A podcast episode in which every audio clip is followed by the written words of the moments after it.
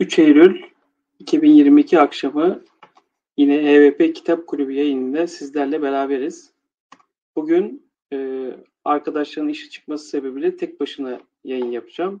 Onun için sizin değerli katkılarınızı bekliyorum. E, bugün iki kitap birden konuşacağım. Birincisi Cengiz Aytmatov'un Cemile adlı kitabı. Bu yine Temmuz ayında okuyacağımız bir kitaptı. Ee, onun dışında Ağustos ayı kitabımızda e, yine grupta belirlemiştik. John Steinbeck'in Fareler ve İnsanlar kitabıydı. E, bunlar, bu kitaplarla ilgili daha önce okumuş olan arkadaşlarımız varsa lütfen e, chatten bize değerli katkılarını sunsunlar. E, özellikle Cengiz Aytmatov'la başlamak istiyorum. Cemile kitabıyla başlamak istiyorum. Çok kısa bir kitap. Yani bu kitap 80 sayfalık bir aşk kitabı, aşk romanı diyebiliriz. Kırgızistan'da e, bu bizim geldiğimiz Türklerin geldiği topraklardan bahsediyor. Özellikle Cengiz Aytmatov'un bende farklı kitapları da var. Hatta bir set halinde almıştım. E, bu iki aylık zaman zarfında e, Cengiz Han'ın Cengiz Han'a Küsen Bulut ve birkaç tane öyküsünün e, bulunduğu Kızıl Elma e, kitabını okumuştum. Birkaç tane öykü var. Toprak Ana'ya da e, bu ay başlamayı hedefliyordum. Bunun dışında yine Beyaz Gemi, Elveda Gülsarı, Sultan Murat gibi birçok kitabı var Cengiz Aytmatov'un. Türk Edebiyatı'nda da gerçekten e, çok yeri olan bir yazarımız. Mutlaka bu kitapları okumanızı tavsiye ediyorum. Çünkü e, Türklerin Orta Asya'daki şu an Kırgızistan Türklerinin mizacı ile ilgili e, bu savaş yıllarında yaşadığı için Cengiz Aytmatov o dönemin e, içinde bulunduğu ortamla ilgili gerçekten tarih okumayı sevenler, tarihi sadece tarih kitaplarından değil de romanlar üzerinden okumayı sevenler için güzel bir kaynak. Bu Cemile 1958 yılında yazılan bir kitap. Ve dediğim gibi e, bir aşk romanı aslında. E, bunun en büyük e, savunucularından biri de Fransız yazar Louis Aragon diyor ki Romeo ve Juliet'ten daha etkili bir aşk romanıydı bu benim için diyor. İkinci Dünya Savaşı'ndan yaralı dönen içine kapalı bir Danyer diye bir karakterimiz var. Ve bu başrolde bulunan Cemile karakterimiz e, Danyer gazi olduğu için ayağını sürüyerek yürüyebiliyor. E, bu köyde bir kişi. E, Cemile de bu hikaye anlatımını yapan aslında Cemile'nin e, evli olduğu kişinin kardeşi. Onun gözünden biz bütün hikayeyi, Seyit'in gözünden bütün hikayeyi görüyoruz. Cemile Sadık diye bir kişiyle evlendiriliyor. Ama maalesef savaş olduğu için sadece dört ay evli kalabiliyorlar ve kocası e, cepheye gitmek zorunda kalıyor. Diğer e, birçok Kırgız gibi. Açıkçası e, köyde e, erkek çok kalmadığı için işlerin büyük bir çoğunluğunu kadınlar yapıyor. Kadınlar yaparken de ailenin büyükleri, büyük kadınlar e, burada ailenin reisleri haline dönüyor ve işte tarlalarda ekilen buğdayları cepheye götürmek için var güçleriyle çalışıyorlar. Burada Sadık'ın kardeşi yani Cemile'nin e, Cemile ile beraber çalışmak zorunda kalıyor tarlalarda. Bu Seyit dediğimiz karakter, bütün hikayeyi anlatan karakter aslında bir çocuk ve yengesiyle beraber tarlalarda buğday topluyor. Bunları arabalara yükleyip cephelere iletilmesi için şehre kadar götürüyorlar. Ve açıkçası burada anlatılan hikayede bu e, işlerin güçlerin arasında hem Kırgız halkının neler yaşadığını biz yıllar boyunca görüyoruz. Hem de e, bu Kırgız halkının bu sert mizacını yazar bize çok güzel anlatıyor. Evet çok sertler, evet savaş e, halinde oldukları için hayatta tutunmaya çalışıyorlar. Ama e, bu arada da insani duyguları da tabii ki bırakmıyorlar. Bir gün e, bu Seyit ve Cemile şeyde e, tarlada çalışırlarken bu gazi olan Danyar'la karşılaşıyorlar ve Danyar bunlara yardımcı olmaya başlıyor. Beraber yani Cemile ve Seyit bir arabayı taşırken Danyar'da e, diğer bir arabayla e, e, bu götür getir bu buğdayların şehirlere ulaşması için var güçleriyle çalışıyorlar. Bu arada Yusuf Yavuz selamlar iyi yayınlar demiş. Teşekkür ediyoruz Yusuf'a da. Bu arada e, bu getir götür işleri devam ederken Cemile de çok güzel bir kadın ama e, kimseye yüz vermiyor ve sert mizacıyla e, erkeklerin e, bu kendine olan ilgilerini bertaraf ediyor. Çünkü tarlada çalışmak yani hep kadınlar olsa da yine arada gaziler ya da bunları organize eden bazı erkekler de bulunuyor. Ama Cemile o sert mizacıyla bunları hep bertaraf ediyor. Ve bir gün e, Danyar'la şakalaşmaya başlıyorlar. Yani bu götür getir yaparlarken arabaları yarış haline sokuyorlar birbirleriyle. E, ve bir gün ya sen yiğit değil misin diyor Cemile. E, bir türkü oku da biz bunu görelim diyor. Çünkü Danyar e, aslında Seyit bize hikaye anlatırken Danyar'ın hep böyle Cemile'ye ilgiyle baktığını, ilgiyle e, gözlediğini görüyor. Ve e, Danyar da okumak istemiyor. Daha sonra bir gün e, içinden bir e, aşk türküsü okurken Cemile'nin Danyar'a artık bakışı değişiyor. Çünkü Cemile'yi anlatırken şunu da söylemek lazım. Cemile karakteri 4 aylık bir evlilikte ve kocası savaşa gidiyor. Mektuplar yazıyor Cemile'ye, şey ailesine. Ama yani çok soğuk bir kişi. Kocası, Sadık dediğimiz kocası. Ve yazdığı mektuplarda annesine e, anlatırken olayları e, sadece cümlenin sonunda, mektubun sonunda e, eşime de selam söyleyin gibi bir şeyle sadece Cemile'yi anıyor. Zaten soğuk bir karakter olduğu için e, Cemile zaten e, ilgiye aç ve hayat dolu bir karakter Cemile anlatılan hikayede.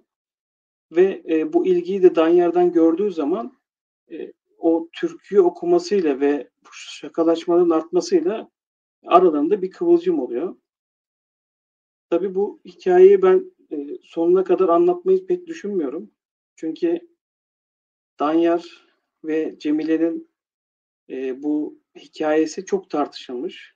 Yani bu Cemile'nin yaptığı, verdiği kararlarla ilgili e, birçok spekülasyon olmuş. Yani bununla ilgili keşke e, şunu yapmasaydı, keşke bunu yapmasaydı denilen noktalar var. Ve e, burada şunu da anlat, anlatmayı istiyorum. Yani es geçmeyelim. Bu arada Güray da iyi yayınlar demiş. Teşekkür ediyoruz. Bu arada Murat İnce de bu bizim Telegram kanalımızda bu kitabı öneren kişiydi. Bugün işte olduğu için maalesef katılamadı. Olsun Murat. Başka yayınlarda inşallah seni yanımızda görmek istiyoruz. Ee, burada e, şundan bahsediyorduk. Cemile hiç ilgi görmeyen bir kadın ve Danyar'ın bu e, içli türküyü okuyup söz yani bu Türklerin, bu Kırgız Türklerinin duyguları aslında çok ifade edememesini mektubundan anlıyoruz. Eşine sadece selam söyleyen Sadık'ın mektubundan anlıyoruz. Çünkü e, soğuk bir ülke, savaş içinde olan, yıllarca savaşmış bir ülke ve buradaki insanların da mizaçları çok sertleşiyor. E, orada e, Sadık'ın bir cümlede eşine selam göndermesi ve Danyar'ın içli içli türküyü Cemile ile okurken e, bu duyguları ifade etmesi Cemile'nin Danyar'a bakış açısını değiştiriyor. Ve bu aralarında bir aşk doğuyor. Bunu da Seyit, bu hikaye anlatan karakterimiz bir gün resmediyor. Yani bu tarlalarda oturmuşken e, bir at arabası işte Danyar'ı çizmiş, Cemile'yi çizmiş. Bu resim yıllar yani günler sonra bulunduğu için e, bu resmin hikayesi de açıkçası e, kocası döndükten sonra olay oluyor.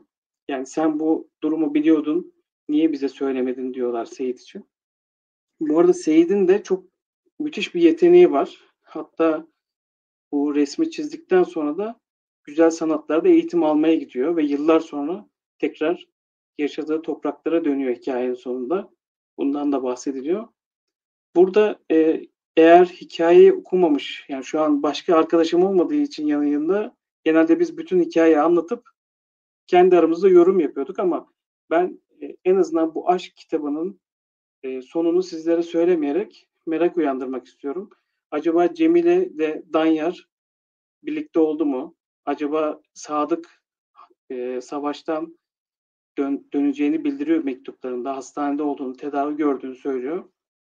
Acaba Sadık döndüğünde bu aralarındaki kıvılcım e, iki kişinin kalbine gömülüp evliliklerine devam mı ediyorlar Sadık'la Cemile? Yoksa farklı bir sona doğru mu gidiyor bu hikaye? İnşallah sizler de bu kitabı okuyup e, sonunu öğrenmiş olursunuz diyeyim. Bu Cemile kitabı ile ilgili yorum yapmak isteyen, soru sormak isteyen arkadaşlar varsa ben chat ekranında sizleri bekliyor olacağım. Bunun dışında hemen orada Cengiz Aytmatov'un diğer kitaplarını da göstereyim.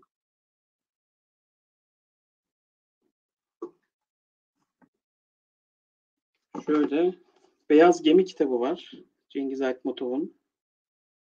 Bunun dışında Elveda Gülsarı. Yine Yıldırım Sesli Manastçı Yüz Yüze diye birkaç tane öykünün birleştiği bir kitap var.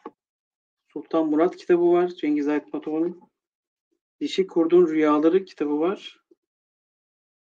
Gün Olur Asra Bedel kitabı var. Cengiz Aytmatov'un e, setini almıştım ben yıllar önce. Sizlere de bu Türk edebiyatçısının kitaplarını öneririm. Gerçekten özellikle Cemile'ye başladığınız zaman zaten 80 sayfalık bir kitap. Yani bir oturuşta e, bir günde bitirebileceğiniz bir kitap. E, ve şunu da söyleyeyim Cengiz Aytmatov okurken açıkçası e, birçok öz Türkçe kelimelerin bizim günümüzde kullandığımız kelimelerle e, bağdaştığını görüyoruz. Ya da orada kullanılan Türkçe kelimelerin, öz Türkçe kelimeleri öğrenme fırsatı buluyoruz. Onun için e, yani Cengiz Aytmatov okumak da gerçekten o bölgenin konuşma kelimelerini öğrenmemizi, konuşma tarzını öğrenmemizi de gerçekten sağlıyor. Eğer bu kitapla ilgili yorumunuz yoksa hemen notlarıma bakayım ve Fareler ve İnsanlar kitabına geçeyim. Sanırım yok. Şimdi Fareler ve İnsanlar kitabı John Steinbeck'in e, bu elimde gördüğünüz kitap babamın yani eşimin e, babasının e, kitabı ve şurada gözüküyor mu? Herhalde gözükmez. Yani bin, Ocak 1981 birinci basım Oda Yayınları'nın kitabı. Gerçekten bu kadar eski bir e, yani basımın elimde de olması gerçekten e, çok heyecan verici. Bunun dışında yine John Steinbeck'in Pulitzer ödülüne layık görülen Gazap Üzümleri de benim yine eski basımıyla e, elimde. Bu kitabı da bu da 1978 Ekim ilk birinci basım. Bu iki kitabı gerçekten size tavsiye ediyorum arkadaşlar. Zaten e, Amerikan Edebiyatı'na katkısıyla e, John Steinbeck Nobel ödülü, ödülü almış ve Gazap Üzümleriyle de Pulitzer ödülü olmuş, almış bir yazar. E, 1937'de Fareler ve İnsanları yazıyor. E, ve bu kitabın konusunu özet geçersek de iki gezgin çiftçinin George Milton ve Lenny Small'un büyük buhran sırasında e, Kaliforniya'da yaşadıkları trajik olayları anlatıyor. Bu arada Yus, e, Yusuf basım yılı ne abi demiş. Hangi kitabını soruyorsun? Eğer fareler ve insanlarsa birinci basım Ocak 1981 Oda yayınlarının kitabı. Yani bu ilk e, kitap haline getirilip bu yayın evinin bastığı tarihten bahsediyor. Bilmiyorum onu mu soruyorsun yoksa yılı mı soruyorsun? Yılı soruyorsan 1981. Bu kitapta zaten 1937'de orijinali basılmış bir kitap. Ee, hikayeden bahsediyoruz. İki tane gezgin çiftçi var. George ve Lenny. Ee, Birçok e, şeyde gezip, çiftlikte gezip para topluyorlar ve kendi çiftliklerini kurma hayalleri var kendi çiftliklerinde işte e, bir şeyler ektiklerini, hayvan yetiştiklerini falan e, hayal ederek bu çiftliklerde çalışıp para toplayıp kendilerinin bir çiftlikleri olmasını hayal ediyorlar. Bu arada e, John Steinbeck de hayatında Yani bu anlattığı konuların e, birebir yaşadığını da söyleyebiliriz. Bir röportajında şuraya not almıştım. Onu görebilirsem size aktarayım.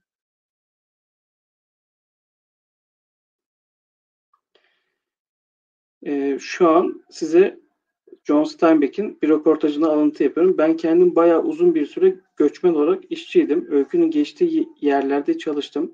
Karakterler birebir bir yere kadar çeşitli insanların karışımıyla ortaya çıktı. Lenny ise gerçek biriydi. Şu anda Kaliforniya'daki bir akıl hastanesinde onunla haftalar boyunca yan yana çalıştım. Gerçek Lenny hikayede bir kızı öldürüyor ama burada gerçek Lenny bir kızı değil öldürmemiş bir usta başına öldürmüş. E, çünkü bu öldürmesinin sebebi de kendi çalıştığı arkadaşını çıkartmış işten ve e, bu usta başında bundan dolayı yani o kişiden dolayı çıkarıldığı için işten Lenin de dirgenini almış ve o usta başının karnına saplamış. Bunu arka arkaya defalarca yapılışını izlemiş bu John Steinbeck. Bunu anlatmaktan nefret ediyormuş ama onu çok geç olmadan durdurmayı başaramadık diyor. Yani bu hikaye de aslında John Steinbeck'in çiftçi olarak birçok yerde çalıştığını gösteriyor. Birebir öyküyü almamış ama bazı karakterler orada yaşadığı kişilerden etkilenmiş. Burada ne oluyor? İki tane arkadaş George ve Lenny e, beraber çiftlikleri dolaşıyorlar ve gittiği yerlerde, çiftliklerde e, herkes aslında bu hikayede anlatılan herkes bir yalnız. Yalnızlık yaşıyor. Sadece George ve Lenny şanslılar çünkü dostlar. Her ne kadar George çok zeki, çok akıllı bir adam olup aklıyla çalışsa da Lenny bir o kadar aklı gidik diyeyim hikayede ve çok iri yarı, cüsseli bir e, karakter. Ve Lenin'in de şöyle bir e, zaafı var. Yumuşak şeyleri okşamayı, yani tavşanı okşamayı çok seviyor. İşte hayvan, bir köpek yavrusunu okşamayı çok seviyor. Böyle bir takıntısı var Lenin'in. Çok büyük ve cüsseli, çok güçlü bir karakter olduğu için de hani bunu yaparken kendini kaybedip o okşadığı canlılara zarar verebiliyor. E, şimdi hikayede anlatılan çiftliğe gelmelerinden önceki e, çalıştıkları çiftlikte de Lenny e, bir kadının e, elbisesini okşarken, satan elbisesini okşarken e, orada bir dedikodu çıkıyor. İşte o kadına tecavüz ettiği söyleniyor ve Lenny ve George o çiftlikten kaçmak zorunda kalıyor. O kentten e, kaçmak zorunda kalıyorlar. E, burada Yusuf Yavuz yine bir katkıda bulunmuş. Kadın saçı diyor ama o bu geldiği çiftlikte aslında kadının saçını okşarken bir şeylere sebep oluyor. Bu ben daha önceki çiftlikte yaşadıkları şeyi anlatıyorum. Ee, orada Lenny kadına tecavüz ettiği suçlaması olunca George ve Lenny o çiftlikten kaçıp yeni bir çiftliğe geliyorlar ve ikisinin hayali e, kendi paralarını biriktirip yeni bir çiftlikte kendi çiftliklerinde e, bir hayat yaşamak. Tabi buraya geldikleri zaman birkaç tane karakter var. İşte Kendi var. Bir elini çiftlikte kaybetmiş ve yaşlı bir karakter. Orada tabii kendinin bir hayvanı var. Hay, e, yaşlı bir köpeği var. Bu çiftliğe geldiğinde bu kendinin köpeğiyle ilgili e, çiftlik sahibi ve çiftlikte çalışanlar çok rahatsız oluyor. Bununla alakalı da bir hikaye var kitabın içinde. Bunun dışında Curly diye bir karakter var. Bu karakter de patronun oğlu. Yarı boksör bir karakter. E, bu, bu da bunun Curly'nin bir karısı var. Çok güzel bir kadın. Ama kadın kendini çok yalnız hissediyor ve çiftlikteki herkesle konuşarak aslında e, yani kitapta anlatılana göre o çiftlikteki karakterin hepsi biraz e, hani kadının hafif meşrep olduğunu ve körlüğü aldatmak istediğini düşünüyor ki burada hani yazar bunu anlatırken aslında erkeklerin e, kadınlara bakış açısının ne kadar yanlış olduğunu ifade ediyor. Yani burada e, bir kadının sizle konuşması, işte çiftlikte başka kişilerle konuşması e, tamamen bir arayış içinde olduğunu değil, yalnız olduğu için konuşacak bir insan aradığını e, belirtir aslında ama işte bütün erkekler bunu işte bu hafif yollu, işte bu hafif meşrep, işte bu kocasını aldatmak istiyor şeklinde yorumluyor ki yazar bu kısa bu kitap da çok kısa. Yaklaşık 120 sayfa sanırım. E, bu kitapta kısa olmasına rağmen birçok öğeyi ögeyi barındırıyor. Birçok mesajı var kitabın. Bunun dışında işte Curly'in karısı da diğer bahsettiğim gibi çok yalnız olduğunu düşünüyor. Aslında bu kitapta George ve Lenny dışında bütün karakterler hep yalnız. E, Slim diye bir karakterimiz var. Bu ustabaşı. Curly yani patronun olduğunu saygı duyduğu tek kişi. Çünkü işleri onun döndürdüğünü düşünüyor. Bunun dışında siyahi bir karakterimiz var. Kitapta Crocs diye. Çiftlikteki tek siyahi karakter bu ve kendi gibi sakat. E, bir atın tekmelemesi sonucu sırtında kam kambur oluşuyor. Ve İngilizce'de bu da crook yani kanca anlamına geldiği için yazar da bunun ismini Crooks olarak belirtmiş. Şimdi George Veli'nin buraya geldiği zaman e, çalışmaya başlıyorlar.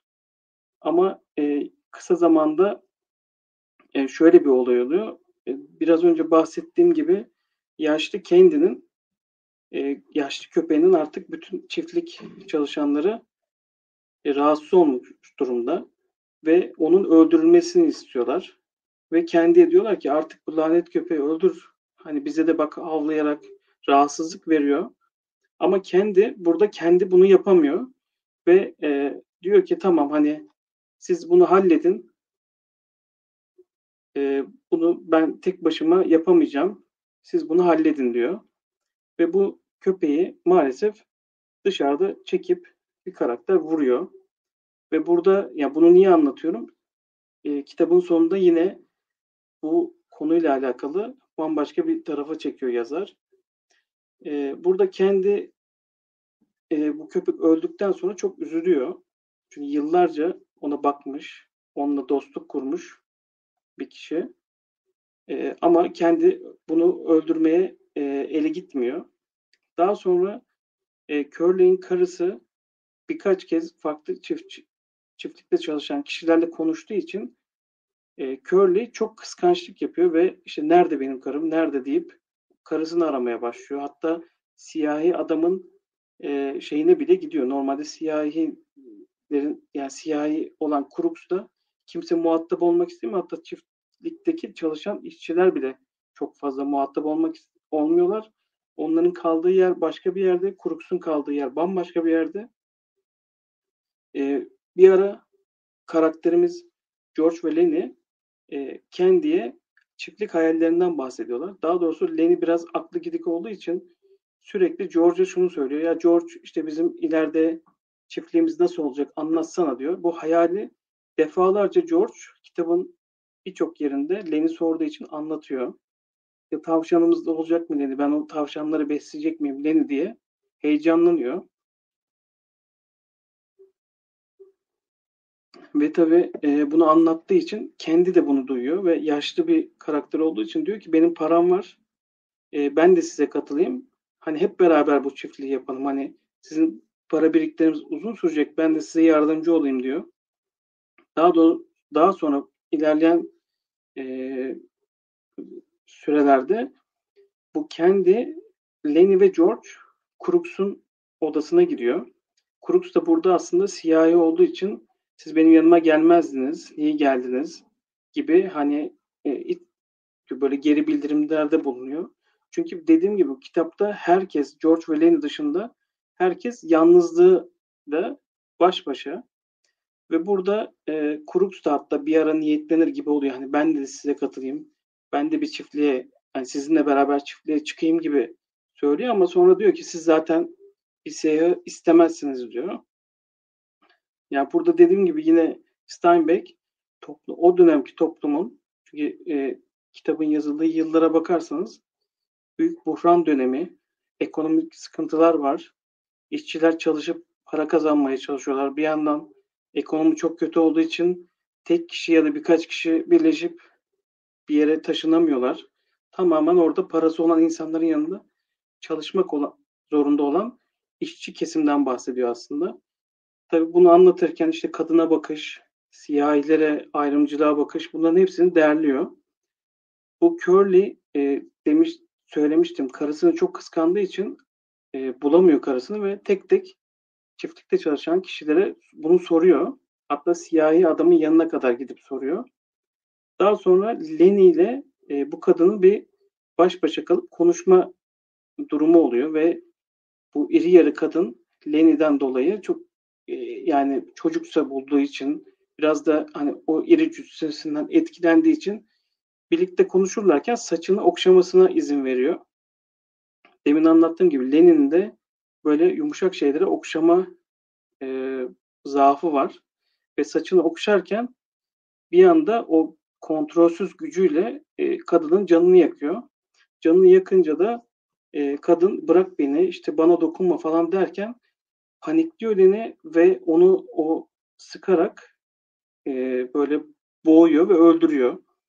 Kadının e, hareketsiz olduğunu görünce Leni e, çok panik yapıyor ve e, kaçmaya başlıyor. Bu daha önce kitabın belli yerlerinde George buna nasihatlerde bulunup diyor ki eğer bir problem olursa e, çalılığa koş, çalıların arasına saklan, beni be, beni bekle diyor.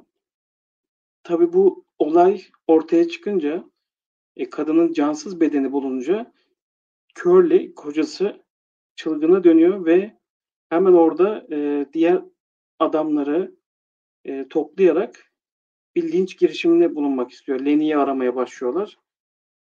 E, tabii burada Lenny George'un tek dostu. Hatta biraz da aklı gidik bir dostu. Yani George orada aklıyla Lenny'ye biraz da sahip çıkıyor ama tabii bu durumda e, kendini de kurtarması lazım George. Yani öyle bir hata işliyor ki Lenny e, Lenny'yi bulup kaçma şansları yok. Daha sonra e, Curly bulmadan e, George Lenny'yi buluyor ve hani diğerlerinin aslında linç girişimini yani linç edip öldürme girişimindense George bana bırakın diyor. E, ben onu ikna edeceğim e, ve hani ölümünü benim elimden olacak diyor. E, burada tabii biraz önce ben e, kendinin köpeğinin öldürür sahnesini anlatmıştım. Orada kendi yıllarca dost olduğu köpeğini e, çekip vuramamıştı. Bir hayvan olmasına rağmen. Ama burada George Lenny'i e, diğer insanların öfkeyle öldürmesini istemiyor. Ve e, Lenny gözlerini kapatmasını istiyor. Gözlerini kapattıktan sonra hayalinden tekrar bahsediyor. Çiftlikten bahsediyor. Çiftlikte neler yapacaklarından bahsediyor. Güzel e, hayallerini anlatırken e, Lenny'i çekip öldürüyor. Evet, burada Yusuf okumuş galiba kitabı. Kalın ensesine silah dayayıp öldürüyor gerçekten. E tabi kitabın sonu böyle trajik bir şekilde bitiyor. Ama bu kitabı da dediğim gibi herkese tavsiye ediyorum. Gerçekten kısa bir kitap olmasına rağmen birçok e, konuyu Steinbeck e, hiç sıkmadan, uzatmadan e, güzel bir şekilde anlatıyor. Demin söylediğim gibi yine Gazap Üzümleri Steinbeck'in Pulitzer ödüllü bir kitabı. Bunun da mutlaka arkadaşlar size okumanızı tavsiye ediyorum.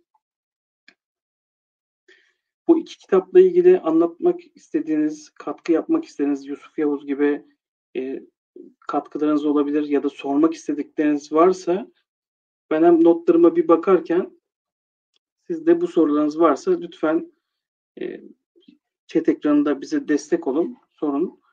Eğer yoksa arkadaşlar yavaş yavaş çünkü ben yayını kapatacağım. Bu arada ben chat ekranına EVP Kitap Kulübümüzün Telegram kanalının da linkini de atıyorum.